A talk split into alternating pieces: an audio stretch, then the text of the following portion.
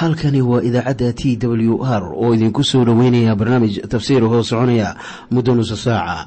Waxaana barnaamijkan codka waayaha cusub ee waxbaridda ah idiin soo diyaariya masiixiin soomaaliya. Waxaana laga maqlaa barnaamijkan habeenka isniintaha ilaa iyo habeenka jimcaha saacaddu markaa ay tahay toddobada iyo shan iyo labaatanka fiidnimo mawjadaha koob iyo soddonka mitrbaan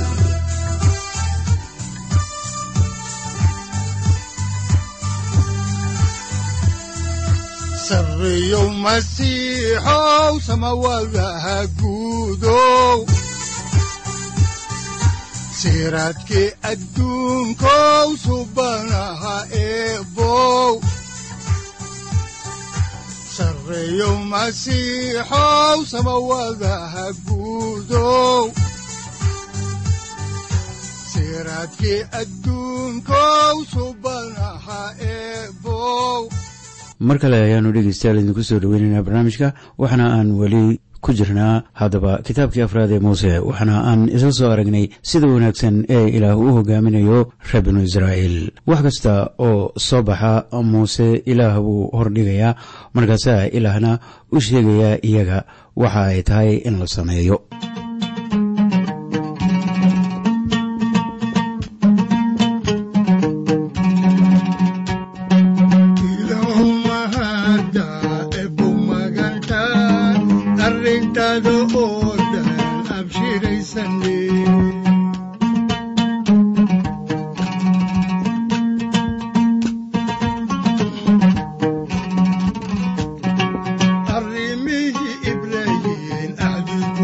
markii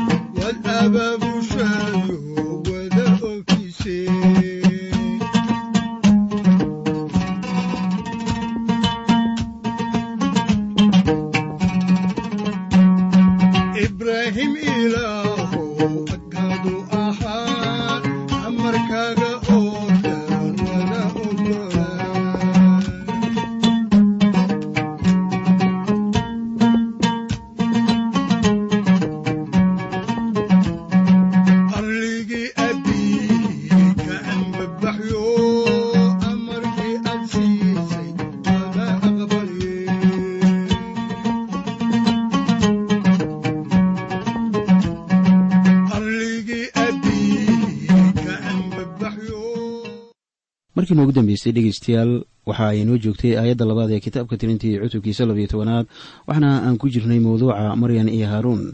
Ay u tashteen oo welibana ay xanteen addoonkii rabbiga ee muuse ahaa. Waxaana aayadahaas kore ay inoo sheegeen in muuse ay xanteen iyaga uu ka xun gabadhii reer kuush ee uu muuse guursaday. Waxaa maryan ay u hadlaysay sida gabdhaha curadkaahi ay u hadlaan oo waxa ay leedahay muuse yuu ismooday. Miyaanu ogeyn maalintii. Intaan dembiisha ku soo riday uu biyaha ku dul sabaynaya aniguna aan kor ka eegayay haddaanan kor ka eegaynin halkee buu maanta joogi lahaa. Iyada iyo haaruun ayaa iska jiibinayay hadalka. Haddaan markaa meeriska horey idiinku sii wado dhegeystayaal ayaanu haatan idiin akhriyayaa aayadda saddexaad. Waxaana qorninka quduuska ay leeyahay sida tan. Haddaba muuse waxa uu ahaa ninka ugu wada qalbiga qabow dadkii dunida joogay oo dhan. Waxaa halkan lagu shaacinayaa in muuse uu ahaa ninkii ugu qalbiga qaboobaa ee dunida yimi sida sayid ciise masiix oo kale. Qalbiqaboobidu waxa weeye in ilaah daacad loo ahdo iyo in la sameeyo wixii ilaah doonayo ama doonistiisa. Haddaan horey markaa idiinku sii wado kitaabka tirintii cutubka labaiyo tobnaad ayaan idiin akhriyayaa aayadda afraad waxaana qorniinku leeyahay sida tan.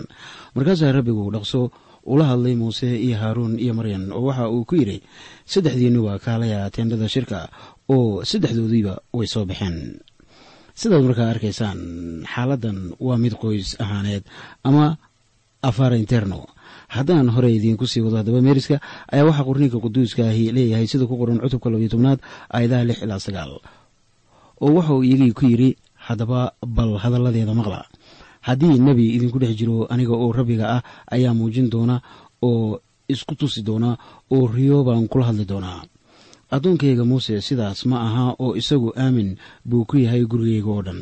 Isaga bayaan baan afkayga ugula hadlayaa oo hadal godcur ah kula hadli maayo oo wuxuu arki doonaa rabbiga qaabkiisa. Haddaba maxaad uga cabsan weydeen inaad addoonkayga muuse wax ka sheegtaan. Markaasaa rabbigu iyagii aad ugu carooday wuuna ka tegey. Ilaa waxa uu leeyahay waxa uu doortay nebiyada. Waxaa kaloo uu leeyahay muuse xaggiisa wuu ku weyn yahay oo kuwa kale waa laga kor yeelay. Wuxuuna aamin ku yahay gurigayga oo dhan. Markii haddaba aad eegto kitaabka axdigii hore arki maysid meel ilaah nebiyadii kale si toosa uu ula hadleeyey ilaah riyo ayuu ibraahim ugu muuqday yuusufna waxa uu ugu muuqday riyo laakiin ilaah muuse foolka fool ayaa uu la hadlay. Kol dambe ayaanu ku arki doonaa haddaba ilaah oo leh sida ku qoran kitaabka sharciga ku noqoshadiisa cutubka siddeed iyo tobanaad aayadda siddeed iyo tobanaad. Waxaan iyaga walaalahood uga dhex kicin doonaa nebi sidaada oo kale ah oo markaasaan afkiisa gelin doonaa ereyadayda oo isna waxa uu iyaga kula hadli doonaa. Wax alla waxaan isaga ku amri doono oo dhan. Haddaba nebiga muuse oo kale ah waa ciise masiix haddaan intaa maadadii maseyrka uga baxno ayaanu kaga gudbaynaa maadada kale ee ah maryan oo xukun ilaah ku dhacay. Waxaana aan la soo kala baxaynaa cudubka labiyo tobnaad aayadda tobanaad ee kitaabka tarintii waxaana qoran sidatan. Oo daruurtiina way ka tagtay teendhadii korkeedii oo maryanna waxaa ku dhacay baras oo waxa ay u caddaatay sida baraf cad oo kale. Markaasaa haaruun fiiriyey maryan oo waxa uu arkay in ay baras qabto haddaba iyagu nacasnimo ayaa ay sameeyeen inay muuse dhalilaan ama eedeeyaan. Maryan oo muuse walaashiis ahayd waxaa ku dhacay baras muuse oo ahaa addoonkii rabbiga ayaa u duceeyey iyada. Miyaanu muuse ahayn nin ilaah ka cabsada. Inkastoo ilaah bogsiiyey waa in iyada laga gooyaa in ay xerada timaado ama waa in laga karantiilaa in xerada ay timaado maadaama ay baras qabto waxaana la karantiilay ilaa iyo toddoba maalmood oo waxaa safarkii la hakiyey ilaa iyo toddobaad. Oo dadkiina wax safara maayan geli karin muddadii ay jiranayd ama la karantiilay. Haddaan soo gaabiyo waxa ay hakisay safarkii hal toddobaad. Weli meeriska cutubka labayo tobnaad ayaa noo socda eh. Inkastoo cutubkani uu gaaban yahay ayaanu haatan hoos ugu dhaadhacaynaa aayadaha shan iyo toban ilaa lix iyo toban oo waxaa qoran. Sida tan. Kolkaasaa maryan xerada dibadda looga xidhay oo dadkiina ma ay guurin ilamaa maryan mar kale la soo celiyey. Oo dabadeedna dadkii xaseero way ka guureen oo waxa ay degeen cidladii faaraan. Maxaa haaruun isna baras loogu ridi waayey ayaa dadka qaarkii ay isweydiiyaan. Wixii keenay inaan haaruun lagu ridin baraska waxay ahayd in isagu uu ahaa waa haaruune wadaadka rabbiga. Markii aad eegto haaruun waxa uu kugu muuqanayaa inaanu ahayn hogaamiye sida muuse oo kale. Ah isagu waxa uu raaci jiray wixii loo sheego sida markii reer binu israa'iil ay u yimaadeen oo ku yidhaahdeen noo samee ilaah. Haddii uu hogaamiye ahaan lahaa wuu ka hor iman lahaa oo u cadhoon lahaa oo xataa haddii nafsadiisu ay khatar gashana runtaas iyada ah ayaa uu dhiman lahaa. Waxaa intaa haddaba ku soo dhammaanaya cutubkii labayo tobnaadee aanu ka soo qaadanay dhowrka aayadood waxaanan iminka idin bilaabayaa dhegaystayaal meeriska cutubka saddexiy tobanaad ee kitaabka tirintii oo ah kitaabkii afraad ee muuse. Mawduuca cutubkan saddexiy tobanaad ee ka hadlayana waxa weeye laba iyo tobankii surdoonka ahaa ee soo basaasay dhulkii kancaan haatan israa'iil waxa ay soo gaareen qaadeesh barneeca taasoo xuduud la leh dhulka israa'iil loo ballanqaaday oo wax aad looga murugoodo haddaba in qaadeesh barneeca ay noqoto halkii imtixaanka ay u fadhiisteen oo ay ku guul daraysteen iyadoo oo ay ugu wacan tahay rumaysa darri. Cutubkan ayaa looga hadlayaa ama diiradda lagu saarayaa sirdoonkii ama sahankii iyo markii ay arkeen dhulka iyo dadka jooga natiijadii ay keeneen iyo go'aankii dadka israa'iil ay qaateen. Waxaana lagu soo bandhigayaa cutubkan go'aankii dadka badan iyo go'aankii dadkii aan badnayn ama yaraa ama laga tirada badnaa. Waxaanan haatan ee soo gaarnay dhegaystayaal asbaabtii loo diray sirdoonka waxaan idiin bilaabayaa meeriska cutubka saddex iyo tobanaad aayadaha hal ilaa saddex. Waxaana qoran sida tan. Markaasaa rabbigu muuse la hadlay oo waxa uu ku yidhi war waxaad dirtaa niman soo basaasa dalka reer kancaan oo aan reer banu israa'iil siinayo. Oo qabiil waliba waa in aad nin ka dirtaa oo mid kastaaba ha ahaado amiir iyaga ku jira. Markaasaa muuse iyagii ka diray cidladii faaraan sidii amarkii rabbigu ahaa oo kulligood waxay ahaayeen rag reer banu israa'iil madax u ahaa. Haddaba yaa fikirka ah in basaasyo dhulka soo eega la diro keenay markii aad u fiirsato ilaah ma odhan taga oo halka soo basaasa ama dhulka soo basaasa. Laakiin waxaa lagu yidhi oo muuse oo ahaa addoonkii rabbiga kula hadlay inay dhulka galaan oo qabsadaan. Waxaa inoogu qoran haddaba kitaabka sharciga ku noqoshihiisa cutubka koowaad aayadaha labaatan ilaa laba iyo labaatan oo loo yaqaano kitaabkii shanaad ee muuse sidatan. Oo anna markaas waxaan idinku idhi war waxaad timaadeen dalka buuraha leh oo reer amoor ee rabbiga ilaahiina ahu ina siinayo. Bal eega rabbiga ilaahiina ahu dalkii buu idin hordhigay haddaba u kaca oo hanti u qaata sidii rabbiga ah ilaaha awoyaashin uu idiin sheegay oo ha cabsanina. Hana qalbi jebina oo mid kastoo idinka mid ahuba wuu ii soo dhowaaday oo waxa uu igu yidhi waraynu niman iska hormarinno si ay dalka inoogu soo baaraan oo ay inoogu soo sheegaan jidka aan marayno iyo magaalooyinka aan tegayno sida aad arkaysaan basaasidu ilaah dhankiisa kama iman laakiin waxa ay ka timi dhanka dadka. Ilaah dadka waxa uu ku hogaaminayey dhulkii uu ballanqaaday. Waxa uu garanayay in ay si sahlan ku qabsan karaan ama ay qaadan karaan. Markii ay dhulka galeen dhibaato kastoo ay mareenba dadkii reer binu israa'iil ama farcii xigay kan iminka diiday inuu dhulka galo si fudud ayaa ay ku qabsadeen waa cashar lama ilaabaana waayo dadku way ka cagataalayaan ballamada ilaah iyaga oo ka baqaya in ama ay u hagaagi weyso ama kharash aad u badan uga baxo waxyaabaha markaa ay doonaan inay hirgeliyaan. Haddii ay inoo xaqiiqsan tahay haddaba inaannu barnaamijka ilaah ku soconno bilxaqiiqa maahan in aan ka labalabayno inaan horey ugu soconno qorshahiisa sabuurlaha oo dadka ku boorinaya in ay qorshayaasha ilaa horay ugu socdaan ayaa waxa uu leeyahay sida ku qoran zabuurka aayadda shanaad sida tan jidkaaga rabbiga ku aamin isagana isku hadlee wuuna samaynayaa. Haddaba qisadan basaasyada waxa ay la mid tahay isla qisadii ay mannada ku diideen oo zabuurluhu qoray. Markaasoo uu lahaa sida ku qoran zabuurka boqol iyo lix aayad shan iyo tobanaad oo isna waxa uu siiyey wixii ay weydiisteen laakiinse waxa uu naftoodii u soo diray caatow. Markii loo caal waayey ayaa lagu yidhi war bal ordo taga oo cid u dira dalka. Waxaana la amray in qabiil waliba hal qof uu ku darsado sahanka. Sahankii markii la diray laba nin oo ka mid ahaa labaiyo tobanka ayaa muhiim inoo ah. Waxaana mar kale aan la soo kala baxaynaa cutubka saddex iyo tobanaad aayadda lixaad iyo aayadda siddeedaad. Waxaana qoran sida tan oo qabiilka reer yuhuudana kaaleeb ina yafune oo qabiilka reer efraayimna hosheeca inanuun hosheeca waa yashuuca oo wax badan ayaanu magacan maqli doonaa intaan ku jirno kitaabkan iyo taariikhda reer binu israa'iil. Ilaa aan ka gaarno kitaabka yashuuca wuu soconayaa magaca.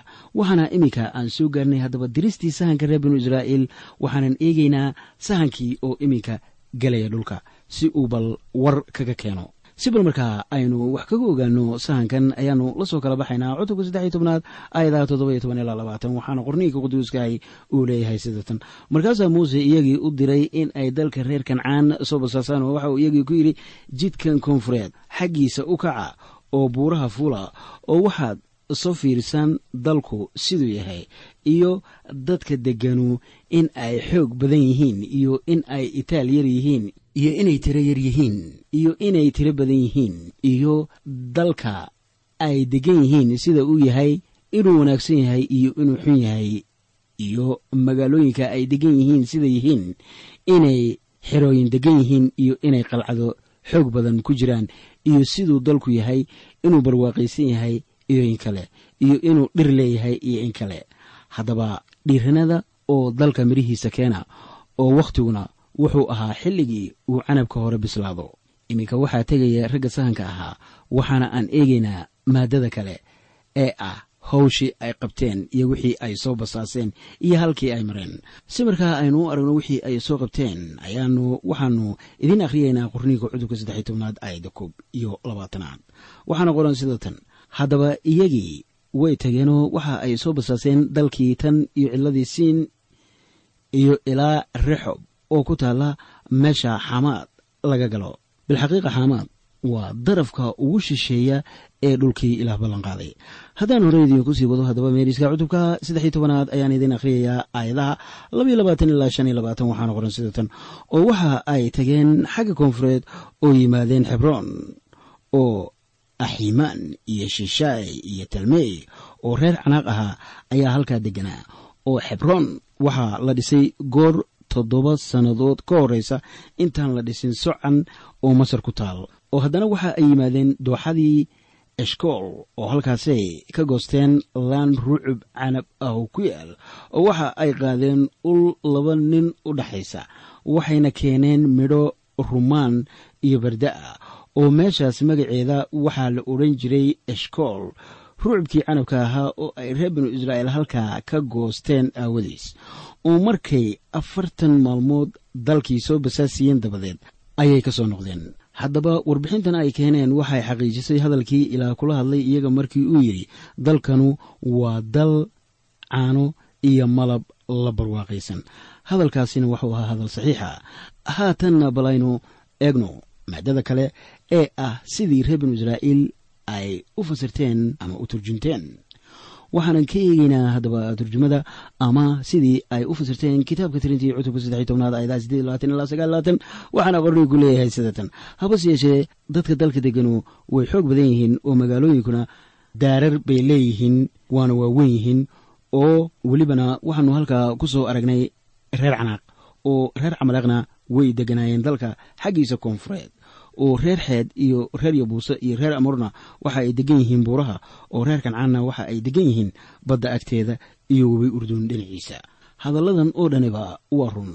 Waxaa dalka deganaa rag xoog waaweyn iyo quruun dhaadheer laakiin si kale ayay u dhigeen waana halka ay sartu ka qurmayso. Haddaan markaa idiin kala dhigo faalladooda ayaan la soo kala baxaynaa cutubka saddex iyo tobnaad aayadaha koob iyo soddon ilaa saddex iyo soddon waxaana qoran sida tan. Laakiinse nimankii isaga raacay waxa ay yidhaahdeen war inagu dadkaas kuma kici karno. Waayo way naga xoog badan yihiin oo iyagu dalka ay soo basaaseen ayaa reer binu israa'iil war xun ay uga keeneen. Oo waxa ay yidhaahdeen dalka aanu dhex marnay oo soo basaasnay waa dal cuna dadka deggan oo dadkii aanu ku aragnay oo dhammuna waa dad aad u dhaadheer oo waxaanu halkaa ku aragnay dad waaweyn oo xoog badan oo ah reer canaaq oo ka yimi dadkii waaweynaa oo xoogga badnaa. Waxaannu iskula yaraadnay sida kabajaan oo kale oo hortoodana sidaa oo kalaannu ku ahayn. Markii dadku ay baqaan waxa ay lumiyaan rumaysadkooda waxaana sare u kaca dhibaatooyinka mashaakilka iyo xiisadaha. Dadkii ay soo arkeen ayaa ula muuqanaya dad waaweyn oo aan layska celin karin oo halkooda nin ah uu dili karo ilaa iyo labaatan. Sidaa ayay ula muuqatay waxaana ay meesha ka saareen ilaah iyo awooddiisa haddaba waxaa halkaa ku soo dhammaaday warbixintii ay isku raaceen sahanka intiisi badnayd. Laakiinse weli waxaa harsan warbixinta ay inoo wadaan laba nin oo ka mid ahaa raggii raacay oo la kala yidhahdo kaale ina yafune iyo yeshuuca inanon waxaan iminkana idiin bilaabayaa cutubka afar iyo tobanaad ee kitaabkii afraad ee muuse oo loo yaqaano tirintii. Mawduuca cutubkan uu ka hadlayo waxa weeye reer binu israa'iil oo diiday in ay galaan dhulka iyada oo ay ugu wacan tahay rumayso darri. Qoraha warqaddii cibraaniyada ayaa yidhi sida ku qoran cutubka saddexaad aayadaha oo yuu afartan sannadood u caraysnaa. Miyaanay ahayn kuwii dembaabay oo meydadkoodii cidlada ku dhacdhaceen oo yuu ku dhaartay inaanay nasashadiisa gelin. Kuwii isaga adeeci waayey mooyaane oo waxaynu aragnay inaanay geli karin rumayso darro aawadeed. Haddaan idin bilaabo haddaba dhegeystayaal meriska cutubka afar iyo tobnaad ayaan iminkana ku hormaraynaa maadada koowaad oo ah israa'iil oo diiday in ay dhulka loo ballanqaaday galaan. Haddaan horey idinku sii wado haddaba dhegeystayaal meriska ayaanu haatanna la soo kala baxaynaa amaan idiin akhriyeynaa cutubka afar iyo tobnaad ayadaha haleelaa laba waxaana qoran sida tan. Oo shirkii oo dhammano codkoodii bay kor u qaadeen oo qayliyeen oo dadkiina habeenkaas way ooyeen. Oo reer binu israa'iil oo dhammuna waxa ay u gunooseen muuse iyo haaruun oo shirkii oo dhammuna waxa ay iyagii ku yidhaahdeen waxaa inoo roonayd inaynu dalkii masar ku dhimanno. Amase inaynu cidladan ku dhimanno. Habeenkaas ooyintii lagu yaqaanay ayaa ay baruurteen waxaana aan qiyaasayaa in muuse iyo haaruun ay dooni lahaayeen inay ku dhintaan cidlada si eedooda ay u joogsato. Haddaan horey idinku sii wado haddaba dhegaystayaal ayaan idin akhriyayaa aayadda saddexaad waxaana qorniinku leeyahay sida tan. Bal rabbigu muxuu inoogu soo kaxeeyey dalka aynu seefta ku le'anayno. Naagaheenna iyo dhallaankeenna dhac bay noqonayaan. Sow inaynu masar ku noqonno inooma roona sheekadu waxa ay gaartay inay naagaha iyo carruurta ama maxasta u walwalaan oo waxa ay leeyihiin. Ilaah ka fikri maayo ilmahooda. Miyaad garanaysaa haddaba oo ogtihiin in isla ilmahan ay yihiin kuwa galay dhulka. Dadkii waxay u walwaleen ilmahooda ilaahna wuxuu hubiyey in ilmahaasu ay galaan dhulka wayna galeen. Laakiin aynu hore idinku sii wadno haddaba meeriska oo aynu eegno cutubka afar iyo tobnaad aayadaha afar ilaa sagaal. Waxaana qorniinka quduuska ay leeyahay sidatan oo markaasaa midba midkii kale ku yidhi kaalaya aynu madax doorane oo aynu masar isaga noqone markaasaa muuse iyo haaruun waxa ay ku hordhaceen ururkii shirka reer binu israa'iil oo dhan oo yeshuuca inanuun iyo kaaleeb ina yefune oo kuwii dalka soo basaasay ka mid ahaa ayaa dharkoodii iska jexjeexay oo waxa ay la hadleen shirkii reer binu israa'iil oo dhan oo waxa ay ku yidhaahdeen war dalkii aanu dhex marnay oo aanu soo basaasnay waa dal aad iyo aad u wanaagsan oo haddii rabbiga inugu farxo ayuu dalkaas ina geyn doonaa oo wuu ina siin doonaa dalkaas caanaha iyo malabka la barwaaqaysan. Laakiinse rabbiga ha ku caasiyoobina oo ha ka cabsanina dadka dalka deggan. Waayo waxa ay inoo yihiin sida kibis oo kale daafacooduna korkooda waa laga qaaday oo rabbiga inagu inala jiraaye iyaga ha ka cabsanina haddaba kaaleeb iyo yeshuuca ayaa dadkii ku dhex dhacay oo damcay inay runta u sheegaan. Labada warbixinood ee aynu maqalnana waxa ay ku kala duwanaayeen oo keliya midi runta ayaa ay ku salaysnayd midna waa laga badbadiyey. Ha yeeshee dadaalkii ay sameeyeen ayaa ilaah ka abaalmarin doonaa. Ilaah bay isku hadlayeen ilaahna waa ka abaalmariyey sidaad arki doontaan intaanu qisada ku jiro weli waxaa inoo soconaya haddaba dhegaystayaal qisada oo waxaanu ku jiraa maadada ah israa'iil oo diiday in ay galaan dhulkii ilaah iyo ilaah oo xukun soo diraya. Haddaan hore idinku sii wado haddaba ayaan iminkana idin akhriyayaa cutubka afar iyo tobanaad aayadaha toban ilaa labaiyo toban. Waxaana qoran sidatan laakiin shirkii oo dhammu waxa ay yidhaahdeen iyaga hala dhagxiyo markaasaa ammaantii rabbigu waxa ay reer binu israa'iil oo dhan uga muuqatay teendhadii shirka oo rabbigu waxa uu muuse ku yidhi dadkanu ilaa goormey quursanayaan oo ilaa goormey rumaysan waayayaan. Inkastoo aan dhexdooda calaamooyinkan oo dhan ku sameeyey haddaba iyagaan balaayo ku dhufan doonaa oo waan dhaxal tiri doonaa oo waxaan kaa samayn doonaa quruun iyaga ka weyn oo ka sii xoog badan.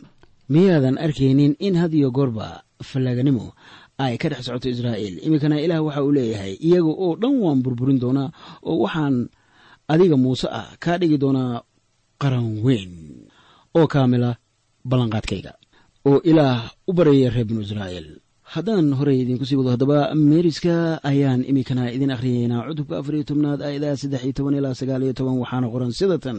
Markaasaa muuse waxa uu rabbigu ku yidhi dee taas waxaa maqli doonta masriyiinta waayo dadka itaalkaagaad iyaga kaga soo bixisay oo iyana waxa ay u sheegi doonaan dadka dalka deggan iyagu waxa ay maqleen inaad dadkan dhex joogto. Rabbiyow waayo rabbiyow foolka fool baa lagu arkay oo daruurtaadiibaa iyaga hortaagan. Oo maalintii waad ku horkacdaa tiir daruura habeenkiina tiir daba. Haddaba haddaad dadka sidii nin keliya u disho qurumihii warkaaga maqlay way hadli doonaanoo waxa ay odhan doonaan rabbigu ma uu karin inuu dadkan keeno dalkii uu ugu dhaartay. Sidaas daraaddeed ayuu cidladii ku laayay. Haddaba waan baryaynaaye oo waan baryayaaye sayidow xooggaagu wax weyn ha ahaado. Sidaad u hadashay oo aad tidhi rabbigu caro wuu u gaabiyaa oo waa naxariis badan yahay oo xumaanta iyo xadgudubkaba wuu dhaafaa oo sinaba uma caddeeyo in kan dembiga galay aanu eed lahayn. Oo xumaantii awoyaashana waxa uu gaadhsiiya carruurta carruurtooda tan iyo farcanka saddexaad iyo kan afraad. Haddaba waan ku baryayaaye sida ay naxariistaadu u weyn tahay oo aad dadkan u cafiyi jirtay tan iyo dalkii masar iyo ilaa haddeer dadkan xumaantooda saamaxa aamiin muuse waxa uu ilaah u sheegay in xantu ay qurumaha dhex soconayso oo waxa ay dadku odhan doonaan wuu yidhi muuse ilaahoodu wuu kari waayey inuu gaarsiiyo dhulkii uu ballanqaaday laakiin masar wuu ka bixiyey. Ilaahna sidii muuse yidhi ayaa u yeelay oo ilaah waa aamin haddaan horey idinku sii wado haddaba meriska ayaannu idin akhriyaynaa cutubka afar iyo tobnaad aayadaha labaatan ilaa koob iyo labaatan. Waxaana qorniinku leeyahay sida tan. Markaasaa rabbigu yidhi sidaad u tiri waan samaynayaa. Laakiinse sida runtaa anigu waan noolahay oo dunida oo dhammuna waxa ay ka buuxsami doontaa ammaanta rabbiga. Weli waxaa hore inoogu soconaya meeriska waxaana aan la soo kala baxaynaa. Cutubka afariyo tobnaad aayadaha labaiyo labaatan ilaa afariyo labaatan. Waxaana qoran sida tan. Kulli dadka ammaanteeda arkay oo arkay calaamooyinkii aan ku sameeyey masar iyo cidladii oo welibana tobankan jeer ijarabay oo aanay codkaygiina dhegaysan. Hubaal ma ay arki doonaan. Dalkii aan awooyaashooda ugu dhaartay oo intoodii iquursatayna midna ma arki doono. Laakiinse addoonkayga kaaleeb waxa uu lahaa ruux kaleeto oo dhammaan ahaan buu ii raacay. Oo sidaas daraaddeed isaga waan geynayaa dalkii uu tegey oo farcankiisuna way lahaan doonaan. Xukun baa haddaba ku soo degay reer binu israa'iil oo faracii gunuusay. Ma geli doonaan dhulkii la ballanqaaday yeshuuxa iyo kaaleeb waa kuwa keliya ee ilaah iminka uu soo qaatay. Ilaa waxa uu ballanqaaday in labadaa nin ay geli doonaan dhulka loo ballanqaaday ee ay iminka ku sii jeedaan. Ilaahna ballankaas wuu hirgeliyey. Haddaan hore idinku sii wado haddaba dhegaystayaal meeriska ayaanu idiin akhriyeynaa cutubka afariyo tobnaad aayadaha sagaaliyo labaatan ilaa labaiyo soddon. Waxaana qoran sida tan meydadkiinnu waxa ay ku dhici doonaan cidlada oo kulli kuwiina la tiriyey. Sidii tiradiinnu ahayd oo ah intii labaatan sannadood jirtay ama ka sii weyneed oo aniga ii gunuusay. Hubaal idinku geli maysaan dalkii aan ku dhaartay inaan idin dejinayo. Kaaleeb ina yufane iyo yeshuuca inanun mooyaane. Laakiinse yaryarkiinna aad tidhaahdeen waa la dhacayaa. Iyagaan keeni doonaa oo iyagu way baran doonaan dalkii aad diideen laakiinse idinka meydadkiinnu way ku dhici doonaan cidladan haddaba ilmihii ay yidhaahdeen waa laynaga dhacayaa ayaa ilaah leeyahay iyaga ayaa gelaya dhulka.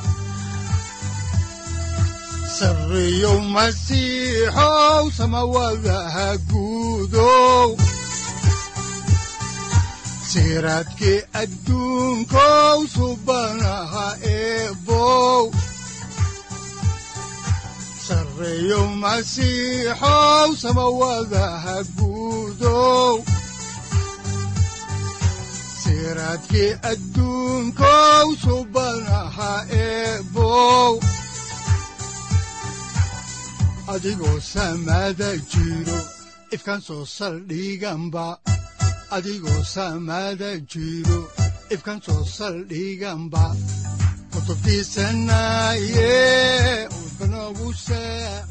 halkani waa t w r idaacadda t w r oo idinku leh ilaa ha idin barakeeyo oo ha idinku anfaco wixii aad caawi ka maqasheen barnaamijka.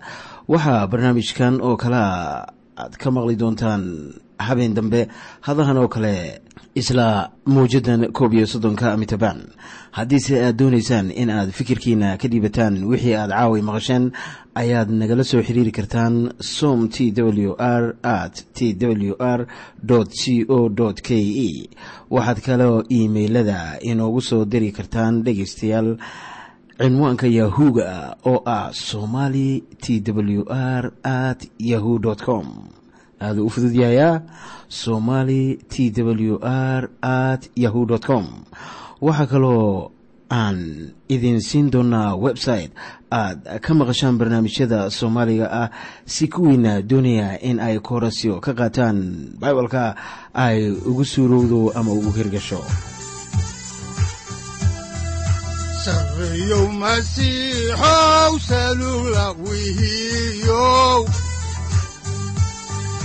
saacadda timid dhulka sabada ku dhalatiyo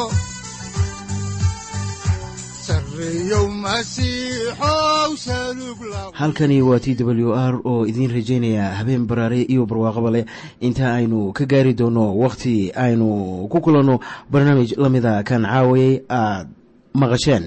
Waxa aan idinku leeyahay nabadda ciise masiix ha idinku badato xagga jidhka iyo ruuxaba.